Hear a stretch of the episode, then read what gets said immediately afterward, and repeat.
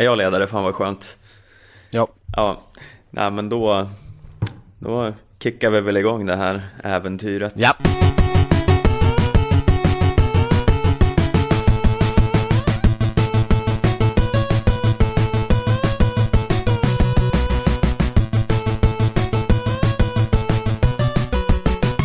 Ja men hallå alla skidsnackslovers där ute. Det är eh, VM extra från eh, skidsnack och eh, glädjen vet inga gränser här efter att vi precis eh, här för någon timme sedan har eh, petat Norge från stafetttronen. Eh, vad säger du Viktor? På länk från eh, Dalaskogarna. Ja, ja, nej, det är ju helt, helt, helt galet. Vi, eh, vi har precis skrämt livet ur samtliga barn i Saxdalen. och, åtminstone här på gården där jag har kollat på eh, loppet. Det skreks hejvilt. Min mamma har en eh, förmåga att eh, gå totalt upp i limningen när det är spännande idrott. Och det gjorde hon även denna gång. Men hon var inte ensam utan det gjorde ungefär allihopa. Och gud vad vi skrek där när, på upploppet. Det, det kändes ju, ja kanske var det lite våran förtjänst att Stina fick den där extra kraften. Det var lite så det kändes i alla fall för att eh, vi skrek verkligen in henne. Ja, nej men eh, verkligen. Jag, jag bidrog eh, på mitt lilla hörn här. Eh, dock eh, alldeles solo med eh, benet i högläge efter att jag opererade knät igår. Men allt, ja. allt bara av, nu har jag inte så mycket smärtor, men eh, adrenalinet liksom bara, det var nästan som att jag sprang upp och hoppade trots eh, knäskada. Eh, för att det var så himla fantastiskt. Hade man kunnat... Adrenalinet och eh, din, eh, din eh, generösa morfincocktail du har fått. du, jag är faktiskt medicinfri ska jag säga. Så hård är jag. Så säger alla. Ja. Vi... Lika medicinfri som det österrikiska skidlandslaget. Ja, jo men ungefär så. Nej, betydligt mer medicinfri. Eh, ja. Det är ingen som kommer öppna dörren här och kliva in och se mig med en kanyl i armen. nej, det är inte, nej, inte någon dopingkanyl i alla fall. Nej. Men för, för att återgå till loppet här, alltså Ja, jag vet inte vad du känner, men eh, man hade ju ett litet hopp. Man eh, tänkte att det kan gå om eh, allt vill sig väl och att mycket av det liksom eh, kommer att hänga på Ebba och Frida. Eh, men det blev nästan lite tvärtom. Det blev gamlingarna så att säga som eh, som blev det som verkligen tog det över gränsen. Ja, det var väl som Johanna Ojala uttryckte det, gammelmormor Charlotte som som klev in och faktiskt eh, la grunden för guldet. Ja, precis som du sa, säger så det var ju känslan var ju innan att vi måste, vi måste se till att Charlotte har typ 30 sekunder eh, för att eh, så, som hennes form har sett ut så har man ju inte riktigt vågat lita på att hon ska kunna eh, på egen hand bara rycka ifrån eh, Jakobsen. Eh, men det, det fick man ju på skam. Hon var ju, hon var ju, det var ju som att se gamla Charlotte, eller fast unga Charlotte. det, var, det var som att se unga Charlotte igen. Eh, ja. Ja, nej men jo men så var det ju verkligen. Och vi hade ju en liten sms-konversation här där jag tog, eh, tog rollen som eh, optimist och du rollen som realist. Jag tänkte ja. att ja men Jakobsen kan ju vägga. Och du kontrade med att ja men Kalla kan ju faktiskt vägga. Eh, ja. Så jag, jag, är glad över att det var eh, jag som fick rätt där. Även om det kanske var mer att Kalla gasade än att Jakobsen eh, väggade. Ja, och det är den här gamla sanningen att Charlotte eh, blir, får någon form av liksom inre djävul, speciellt i stafettlägen. Den, eh, den har ju, man har ju liksom trott att det, den tiden är förbi, men nu visar det sig att Eh, ja, gammal är äldst. Nu är det mycket åldersmetaforer på Charlotte, men det får hon väl, det får hon väl hacka i sig. Eh, ja, det är ju svårt ändå... Eh, i, i jämförelse i det här laget och att det blir något annat. Ja, eh, nej men det var, det var verkligen, eh, jag var ju så bekymrad för att eh, på intervjun innan med Charlotte, hon såg liksom inte ens, alltså det var som, det var, det var som att det var svart för ögonen, men inte på det här sköna Charlotte Kalla är asarg sättet, utan det var mer liksom tomt. Det var en tom blick och eh, tom känsla och hon, hon gav intrycket av att det var, det var ja, det, jag blev i alla fall inte det minsta upplyft av att se den här intervjun för att hon såg verkligen mordstulen ut. Ja men det var Som lite att, så här eh, att hon hade vaknat och känt att nej men idag är benen cement men det kan jag ju inte avslöja för att eh, dra ner allas eh, humör. Nej, nej men det var som att hon hade vaknat på julafton och någon hade öppnat alla hennes paket och ätit upp alla hennes kolor. Så såg det ut. ja, fy fan det är det värsta som kan hända. ja. Hela kolaburken ja, tänk... är slut. ja. Ja, ja men verkligen. Alltså bara tom och liksom så här existensbefriad på något vis. Nej jag vet inte. Det, men, men sen, ja sen, ja, ja, det kan ju vara så. Hon hade ingen aning om själv hur det skulle gå. Nej. Det är mycket möjligt att det är så. Eh, och sen, och hon såg den, hon, det var ju skön gest när hon ville få fram Jakobsen och fram och dra, men Jakobsen var inte alls så sugen på det. Nej. Eh, hon hade tänkt ligga bakom eh, smack i rygg på Charlotte hela sträckan, det var ganska tydligt. Och där tror jag kanske Charlotte någonstans kände att, jaha men, ja då då din jävel, då ska jag allt visa. Lite, eh, det blev ju perfekt på något vis. Ja. Att, eh, att vi hade ju hoppats att eh, Ebba och Frida skulle kunna skapa någonting eftersom mardrömmen var ju ändå att Stina och, och Johaug skulle gå ut tillsammans. Alltså det låter ju, det är klart det är en drömläge att ha, ha vara med in på sista eh, växlingen. Men, men det hade ju varit en mardröm känns det som. Ja, gud ja. Och för det var ju lite, det är så här, nu har man ju byggt upp det som att eh, Ebba och Frida eh, som ju Ja, Ebba har åkt någon stafett, Frida aldrig åkt en stafett, att de är våra stöttepelare här och att de ska bygga upp något stort försprång. Eh, alltså det är ju fantastiskt av båda dem att gå ut tillsammans med Norge. Det är, man kan ju inte riktigt räkna med något mer när ändå Frida Karlsson möter Östberg. Nej, eh, helt Så det, man har ju ganska snabbt byggt upp helt överjordiska förväntningar på henne. Eh, mm.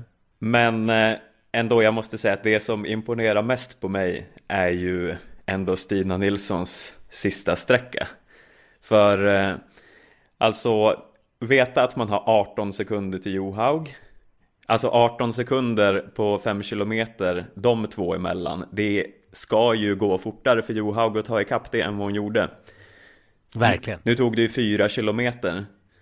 Och det är som, alltså som Stina sa i intervjun därefter att eh, när hon märkte vartåt det barkade så att hon bara, ja men jag, jag dör hellre än att bli tvåa idag. Och man såg ja, det på henne, hela, ju... hela hennes jävla taktiska upplägg där på slutet var ju det var en fröjd att se. Ja, det var briljant. Man var ju orolig för lite att det här som Stina kanske har gjort förut när hon har avslutat stafetter att det är inte så pass stort avstånd så hon släpper upp den, eh, den jagande nors, nor, norskan som det har varit eh, och sådär. Och och det var ju, man var ju lite orolig att han skulle göra det, men, eh, men hon, som hon berättade själv sen i efterhand att hon skulle fan, när hon har fått det här avståndet, då ska hon inte, då ska Johaug få kämpa lite för att komma ikapp. Och, och visst är det väl ändå så att både nu och, och på eh, 15, eller 10 kilometersloppet loppet så har ändå Johaug visat sig vara lite mänsklig på något sätt. Eh, vi har inte pratat om det, Fridas magiska bragd-silver. Eh, men det är väl lika bra, vi kan ju väva in det här samtidigt. Det är ju därför Frida har helt plötsligt blivit våran, kanske, ja, ja jag vet inte vad man ska säga, men hon, det känns ju som våran mest lysande stjärna, i alla fall under det här VMet, bredvid Stina Nilsson. Mm. Uh, och jag menar, då var hon 12 sekunder efter Johaug och pressade henne in i det sista när det bara skilde fyra sekunder med några kilometer kvar. Uh, och där någonstans visar ju ändå Johaug att det, det går faktiskt att slå henne. Ja. Eh, och det, vis, det kunde ju Stina ta fasta på här och veta att hon var stark på slutet förstås. Det, det, inför en spurt mellan Johaug och Stina så hade väl eh, alla hade väl satt sina pengar på Stina, självklart. Det var ju Johaugs chans var att komma ifatt tidigare och rycka eh, rycka tidigare. Ja, det var väl det som klart. i OS här senast när Björgen eh, lyckades rycka lite i sista backen och ja, men eh, hade några meter till Stina som hon inte kunde ta igen. Mm. Det var ju lite det man befarade där på slutet, men hon var ju så här, hon var ju så jävla smart när hon, när Johaug väl kom ikapp så bromsade hon ner lite och tvingade henne att gå runt och sen bara la sig kloss i rygg och ja men hon gav liksom inte någonting gratis och sen bara gasa förbi. Det, mm. ja, det är otroligt imponerande. Det, jag hade aldrig kunnat tro det på förhand. Nej, det var helt magnifikt och det var ja, så sjukt härligt att se och, och vilket sjukt guld. Alltså man hade ju hoppats men det var väl inte riktigt som att man hade ändå förväntat sig att Sverige skulle vinna över Norge. Det, det ska vi ju inte kunna göra egentligen, känns det som. Men nu, Petter Northug var ute där och sa att det här eh, svenska landslaget, det kan vara ett tronskifte och nu, det kanske var det som kom. Var det tronskiftet? Eh, ja, vi får väl eh, hoppas det. Vi, vi, man kan i alla fall se det som så nu att ja, Norge må ha den yttersta spetskompetensen på damsidan med Johaug, men eh, vi har ju ett starkare sprintlag och vi har ju ett nu minst lika starkt distanslag. Så det börjar ju kännas eh, otroligt nära ett tronskifte. Ja. A lot can happen in the next three years. Like a chatbot may be your new best friend. But what won't change? Needing health insurance. United Healthcare Tri-Term Medical Plans are available for these changing times. Underwritten by Golden Rule Insurance Company, they offer budget-friendly, flexible coverage for people who are in between jobs or missed open enrollment. The plans last nearly three years in some states, with access to a nationwide network of doctors and hospitals. So for whatever tomorrow brings, United Healthcare Tri-Term Medical Plans may be for you. Learn more at uh1.com. Ja, verkligen. Nej, gud vad härligt. Och, men vi kan ju inte bara jubla över allt eh, härligt. Det skulle man ju önska att man kunde eh, vilja göra. Men jag vill ändå anmärka på en oroväckande detalj. Okej. Okay. Eh, Ebbas skidor. Ja. Det här har inte vi tagit upp i podden vad jag vet. Men det här är väl typ tredje, fjärde gången, eller vi, har väl, vi tog upp det där under SM när, när, hon, när hon vann med någon minut trots att hon inte knappt tog sig fram. Ja, hon hade inget glid överhuvudtaget men vann ändå. Inget glid överhuvudtaget. Och lika var det på skiathlonen höll jag på att säga. Det var något... 10 eh, kilometers loppet. Ja, inget glid överhuvudtaget och eh, nu i stafetten, det, det ordnar upp sig mot slutet men i början såg det ju extremt eh, tunt. Precis som det har varit intryck av tidigare med Ebba att hon får liksom staka dubbelt så många gånger för att ta sig framåt och kan inte ligga kloss i rygg ens i nedförsbackar. Det Och jag vet inte riktigt vad det är. Om det är Ebba själv som har dålig känsla för vilket par skidor som glider bäst eller om hon får dålig hjälp av eh, vallarna eller för det är något, det blir så tydligt att eh, hon ofta har sämre material än de andra och det känns ju Ja det alltså, känns de ju får ju ans De får väl se till att anställa in någon eh, någon 45 kilo tung vallare som kan testa skidorna ordentligt. Speciellt nu när vi har både Frida och Ebba som är relativt små personer. Då kan det inte liksom eh, Urban Nilsson-typer åka runt och testa skidor. Det blir ju helt världsfrånvänt. Ja, eh, hon behöver någon slags ja, god man som eh, får makten över hennes skidor helt enkelt. ja, ja, men något, något tok är det. Nu gjorde ju Ebba en bragdsträcka ändå. Fast hon kanske inte hade bästa materialet. Eh, och var jätte, jättebra. Men eh, lite oroväckande. Och nu... När man, nu känns det som att vi har sån medflyt i det här svenska eh, landslaget. Så att allt är möjligt inför eh, en tre mil. Känns det ju som. Ja. Charlotte kanske hittar formen. Eh, Frida. Ebba känns ju som att Ebba inte kommer släppa den här platsen. Hon kommer ju vilja åka det här loppet. Ja. Eh, vad ska hon annars eh, i VM göra om hon inte ska åka den, den typen av lopp som skulle kunna vara hennes chans? Ja, eh. och det är ju så eftersom vi inte fick se henne i skiathlon, skiathlonen, skiathlonen så har vi inte sett henne man mot man mot Johaug än heller. Nej. Och sen har vi regerande OS-bronsmedaljören Stina Nilsson som uppenbarligen har hittat någon form av form. Så eh, ska vi säga att vi kanske kan höfta in en trippel på lördag? Ja, absolut. Och så en Johaug med tveksam eh, form, eller vad vi ska kalla det. ja. ja, hon har ju sett riktigt klen ut där. Ja, ja, ja, nej men herregud. För om vi ska återgå till det här Frida Karlsson-bragden här. Eh, ja! Vi, vi var ju eh, i eld och lågor när Ebba Andersson tidigare den här säsongen för första gången eh, typ någonsin som någon har gjort det på länge tog in på Johaug mellan typ kilometer 6 och 7. Ja, eh, tog in typ två sekunder eller en halv sekund eller vad det liksom rör sig om. Ja, och det ja. hände ju Ja, men eh, lite samma grej igen nu när eh, Johaug faktiskt tappade på Frida Karlsson. Typ två sekunder eh, näst sista mellantiden. Då började man ju känna, men herregud, är det Johaug som eh, helt har gått in i väggen eller vad är det som händer? Är hon, eh, går hon faktiskt att slå? Ja, och det var ju ett sånt läge av loppet. Eh, Frida Karlsson hade ju liksom gått i mål och Johaug är uppenbarligen det enda hotet mot ett svenskt alltså mega sensationellt. Silvret var ju liksom mega sensationellt så det finns ju, det går inte ens att beskriva hur sensationellt guldet skulle vara, ha varit. Um, men när, när Johaug då tappar flera sekunder på Frida och det skiljer bara 4, någonting eh, med tre kilo, drygt 3 kilometer kvar. Det var ju helt galet. Sen satt man där och fick följa liksom Johaug med en jävla helikopterdrönarkamera och inga mellantider från 6,7 kilometer in. Det var ju då ville man ju åka ner och strypa någon, eh, någon planeringsansvarig för det här loppet i Seefeld. Ja, och sen okej okay att det var så här, ja man vill ju såklart se hur det går för Johaug, men de liksom glömde ju helt bort Östberg och kompani däremellan också. Ja. Eh, som ändå, ja, kan ju vara lite kul att se vad de går in på för tid.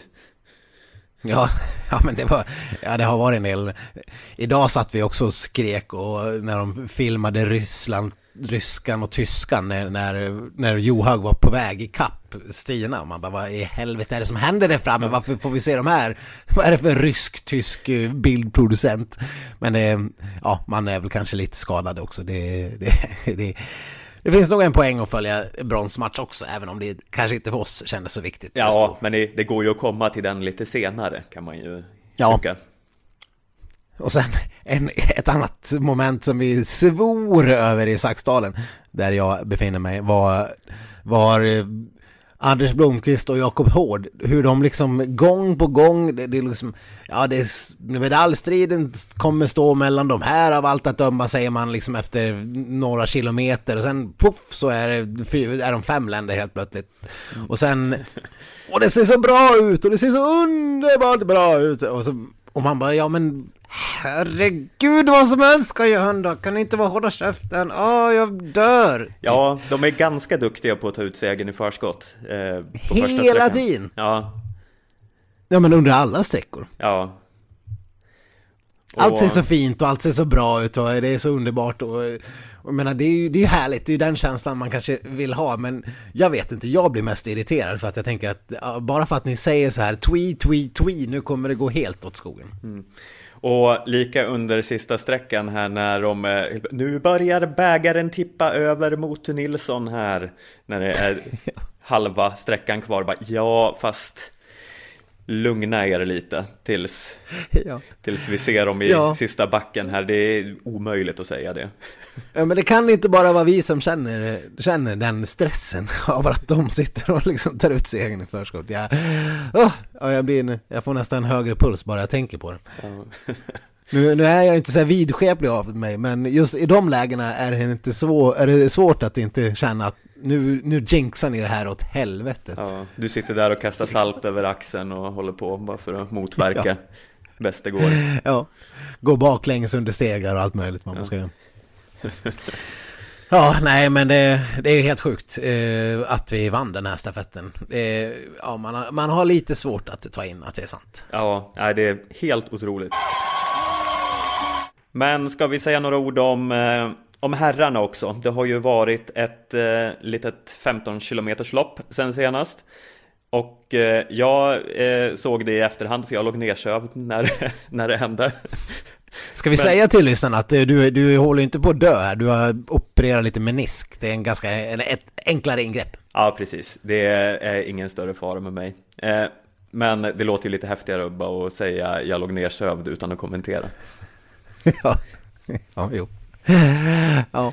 ja, nej men jag såg loppet och jag, jag spoilade väl eventuellt i mina sms till dig. Men eh, ja, det var mest det där eh, när Kalle liksom gav, gav upp det, jag inte kunde hålla mig och skicka ett sms. Och tönset var på gång och då kändes det som att hela världen var emot oss igen. Mm. Det brukar vara så i herrloppen. Ja, men sen var det ju ändå, ja, om det är någon norsk jag ändå unnar ett guld så är det väl ändå Martin Jonsrud Sundby. Man har ju gått från att tycka att det är lite så här skadeglatt roligt att han aldrig har tagit ett guld till att numera känna att, nej men gud, vad, vad småsint tänkt av mig. Eh, det är klart han ska få ett guld. Han som har gjort så mycket för idrotten och, eh, och varit så bra under så pass lång tid och, och har så bra åsikter om att vi måste åka Tour de Ski annars devalverar vi liksom tävlingarna och sådär. Och då, då känner man att fan, det här är en bra kille ändå. Mm. Ja men verkligen, eh, jag kan inte annat än hålla med. Eh, jag har inte varit något stort Sundby-fan genom åren men det var ju extremt välförtjänt att han fick kröna karriären med ett mästerskapsguld. Eh, det är ju få man skulle kunna unna det mer. Ja. Plus att han har en svanktatuering. Ja. Bara därav förtjänar han ju ett VM-guld. Ja. ja, ja någonstans, någonstans så tycker man ju ändå att... Eh, Som plåster fan. på såren för det lilla felbeslutet. Det här KOS 99-beslutet. Ja. man skulle verkligen vilja ha en eh, djup intervju med Sundby som bara handlar om eh, tankegångarna bakom den här tatueringen.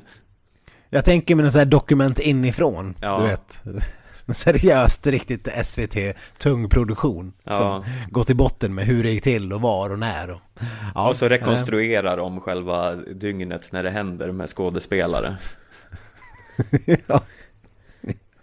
ja visst och så tatueraren intervjuas fast liksom med maskerad eller med ryggen till ja och, och förställd röst ja ja, det kanske är vi som ska göra den här dokumentären. Ja, vi får sälja in den här idén, får se hur det, hur det går. Den kanske kommer ja. framöver. ja, Nej men ska vi prata svenska framgångar eller motgångar eller vad ska man nu kalla det? Burman gör sitt näst bästa mästerskapslopp någonsin och blir väl 11, han var väl 10 i, eh, i skiatlonen och sådär och jag vet inte. Det, det går inte att bli glad för. Nej, men samtidigt så här, om man eh, ska blicka framåt mot stafetten imorgon, den kan ha hunnit vara nu när ni lyssnar på det här, men eh, oavsett så Ja, Norge och Ryssland går ju inte att göra något åt där, det kan man ju säga redan på förhand. Men sen ser det ju väldigt, väldigt öppet ut efter det och om man ser till Burman, Torn, 11-12, Halvarsson, ja vad var han, 16 kanske. Mm. Eh, och Rickardsson, eh, ja det största frågetecknet där. Men det är, det är ju inga andra länder som har något bättre eh, facit. Eh, så det jag tycker ändå att vi ska ha någon viss liten förhoppning på att det i bästa fall kan vara med och kriga om ett brons där. Ja, vi kan ju också lugnt säga att det svenska vallateamet har en viss revansch att utkräva när det gäller herrstafetter. Eh, vi behöver ju bara minnas tillbaks ett år i tiden när, när de totalt grusade svenska eventuella medaljförhoppningar och eh, eh, ja, det var som att de hade vallat eh, eh, Rickardsson och Burmans skidor med grus. Ja. Ja just det, det var, det var de här intervjuerna efteråt när de inte ens kunde Ja, svenskarna har ju alltid väldigt svårt att erkänna att det är fel på vallan men då Då kom det skit på skit från både Rickardsson och Burman där de kunde liksom inte hålla tillbaka. Nej, och det är ju inte liksom, de är inte heller kända för vad... I och för sig, Burman börjar ju börjar mer bli den här... Är det någon man vill ha ett starkt citat från typ pappskallar eller vad man, man nu ska kasta ur sig. Då är det honom man går till. Han, eh, det var väl bara under världscupen tidigare när han, när han fick... Ja just det, det var ju, här, det var ju Blomqvist som fick se en släng av sleven då. Mm. det var om det svenska herrlandslaget. Så att Burman kanske, han, ja, han säger ju i alla fall vad han tycker. Rickardsson däremot kanske inte brukar eh, slänga sig med kraftord. Mm. Men då kunde inte ens han hålla igen. Så att det hänger ju där, det hänger ju på att vi hänger på i de klassiska sträckorna. och inte bli bortvallade lite grann för att eh, åkmaterialet som du säger, vi ska väl kunna vara där med, med fransmännen eller italienarna eller finnarna. Eh, kanadenserna, nej de ska väl inte ha så mycket. Ja, det finns ett, ett knippelag som krigar om brons. Ja, ja verkligen. Så Bara- det kanske är dagen de kan återupprätta någon viss liten heder till svenska herrlaget. Eh, innan vi släpper er på den här snabba VM-podden så måste vi ju tyvärr eh, avsluta lite moll. Ja, Vi kanske, får, vi kanske får avsluta med någon form av superglad, men vi måste ju ändå vara inne och peta i den här dopings... Eh, eh, härvan, kanyl i armen och hela den biten. Ni, ni har väl säkert läst någon rubrik. eh, Det är alltså två österrikare, Baldau och någon till. Hauke. Vad han nu heter. Just det. Som körde sprintstafetten och blev väl sexa. Det är ju inte något stor namn. Och sen är det två estländare. Eh, förmodligen är det Verpalo. Verpalu och eh, Tammajärv var det va? Och så eh, den största, överlägset största namnet i hela den här dopingshärvan. Eh, Poltaranin. Ja. Kasaken. Eh, alltså en, en riktigt framgångsrik skidåkare. Som både du och jag hade tagit ut i vårt fantasylag till det här 15 km loppet. Han är ju lite av en klassisk specialist. Eh, och sen kom det ju i samband med starten att eh, en kazak. Jag har, inte, jag har inte, faktiskt inte sett om han är bekräftad. Jo, han är men det bekräftad. ju- Så det är, är- ja. Och eh, han, eh, alla de här hör ju ihop på så sätt att de ingår i något, något form av team där Andreas Verpalus pappa, den före detta storåkaren Andrus Verpalu är någon slags ledare. Eh, och han var ju också dopinganklagad men blev aldrig fälld någon gång för att det var inte tillräckliga bevis. Inte om man lyssnar till Anders Blomqvist i, i sändningen han, han började redan, jag vet inte, ja du hörde inte loppet igår men han började ju redan då när det kom fram att det var eh, Andreas. Och bara ja det går i cykler om och man ser och han hade ju redan liksom eh, det var, det var redan röd markerat med liksom stämp, dopningsstämpeln var satt och det kan man ju förstå lite grann. Eh, Verpelo hade ju det lite hängande över sig i sin karriär. Eh, och eh, Ja det är ganska tragiskt men ganska skönt att de åker fast också. Det är, man har så här blandade känslor som de eh, många av skidåkarna har varit inne på. Eh, men eh, eh, Poltaranin känns lite extra tungt eftersom Ja, han ändå är Men det är ju det här som... Ja, det är ju det här med att han, han har ju vunnit rätt mycket och varit på, eh, ja, men på pallen i världskuppen och tagit mästerskapsmedaljer och allting. Och nu har inte jag kollat upp här hur det faller sig med eh, ja, men folk som ligger där bakom och som i sådana fall skulle eh, få medaljer istället. Men det finns ju alltid de, de situationerna när att han har snuvat andra åkare på, eh, eh, på guld. Och jag såg att Alex Harvey hade lagt ut någon bild där eh, på eh, sin lagkamrat Len Valles som blev tvåa i något sensationellt lopp för eh, eh, några år sedan och skrev att ja, stolen moment the day when Len Valles eh, eh, got second but eh, should have won, some, någonting sånt. Eh, Och sådana där, det finns, det, nu vet man ju inte hur länge Polteranin eh, då ska ha varit eh, dopad eller eh, hur det har sett ut men ja, det lär ju svida som fan att vara en sån där tvåa bakom. Ja, verkligen. Ja, det är bedrövligt och bedrövligt att... Jag fattar inte riktigt varför man håller på och dopar sig. Eller ja, någonstans, det, det går inte att förklara med logik. Det, det, det är ju både liksom hela ens liv man har lagt ner och pengar och, och vad ska jag göra och jag vill bli bäst. Och det, det är som... eh, Österrike har ju varit lite befläckat efter att... Eh, Ja, men vad är, vad är det med Österrike egentligen? Varför håller de på hela tiden? Ja, jag vet inte. Och så är det lite patetiskt när de har det på hemma-VM. Det är lite som Ja. finnarna förra gången det begav sig. Eh, men eh, som han är inne, alltså, i Expressen var ju träffade äntligen. Han, de har försökt göra en intervju med honom eh, länge och han ställde för första gången upp. Och han förklarar ju där att alla vet hur lätt det är att dopa sig utan att det upptäcks. Det, det är liksom, det är ingen som inte vet om det.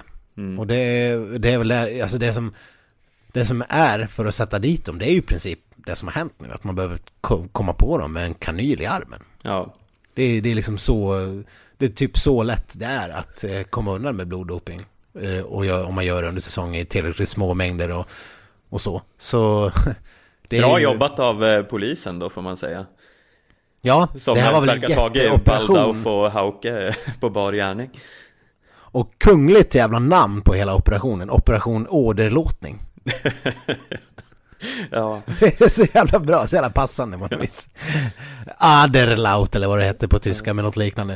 Eh, för det var ju någon tysk polis, Österrikes polis, de har varit i Estland och de har, ja det ja, en jätteoperation.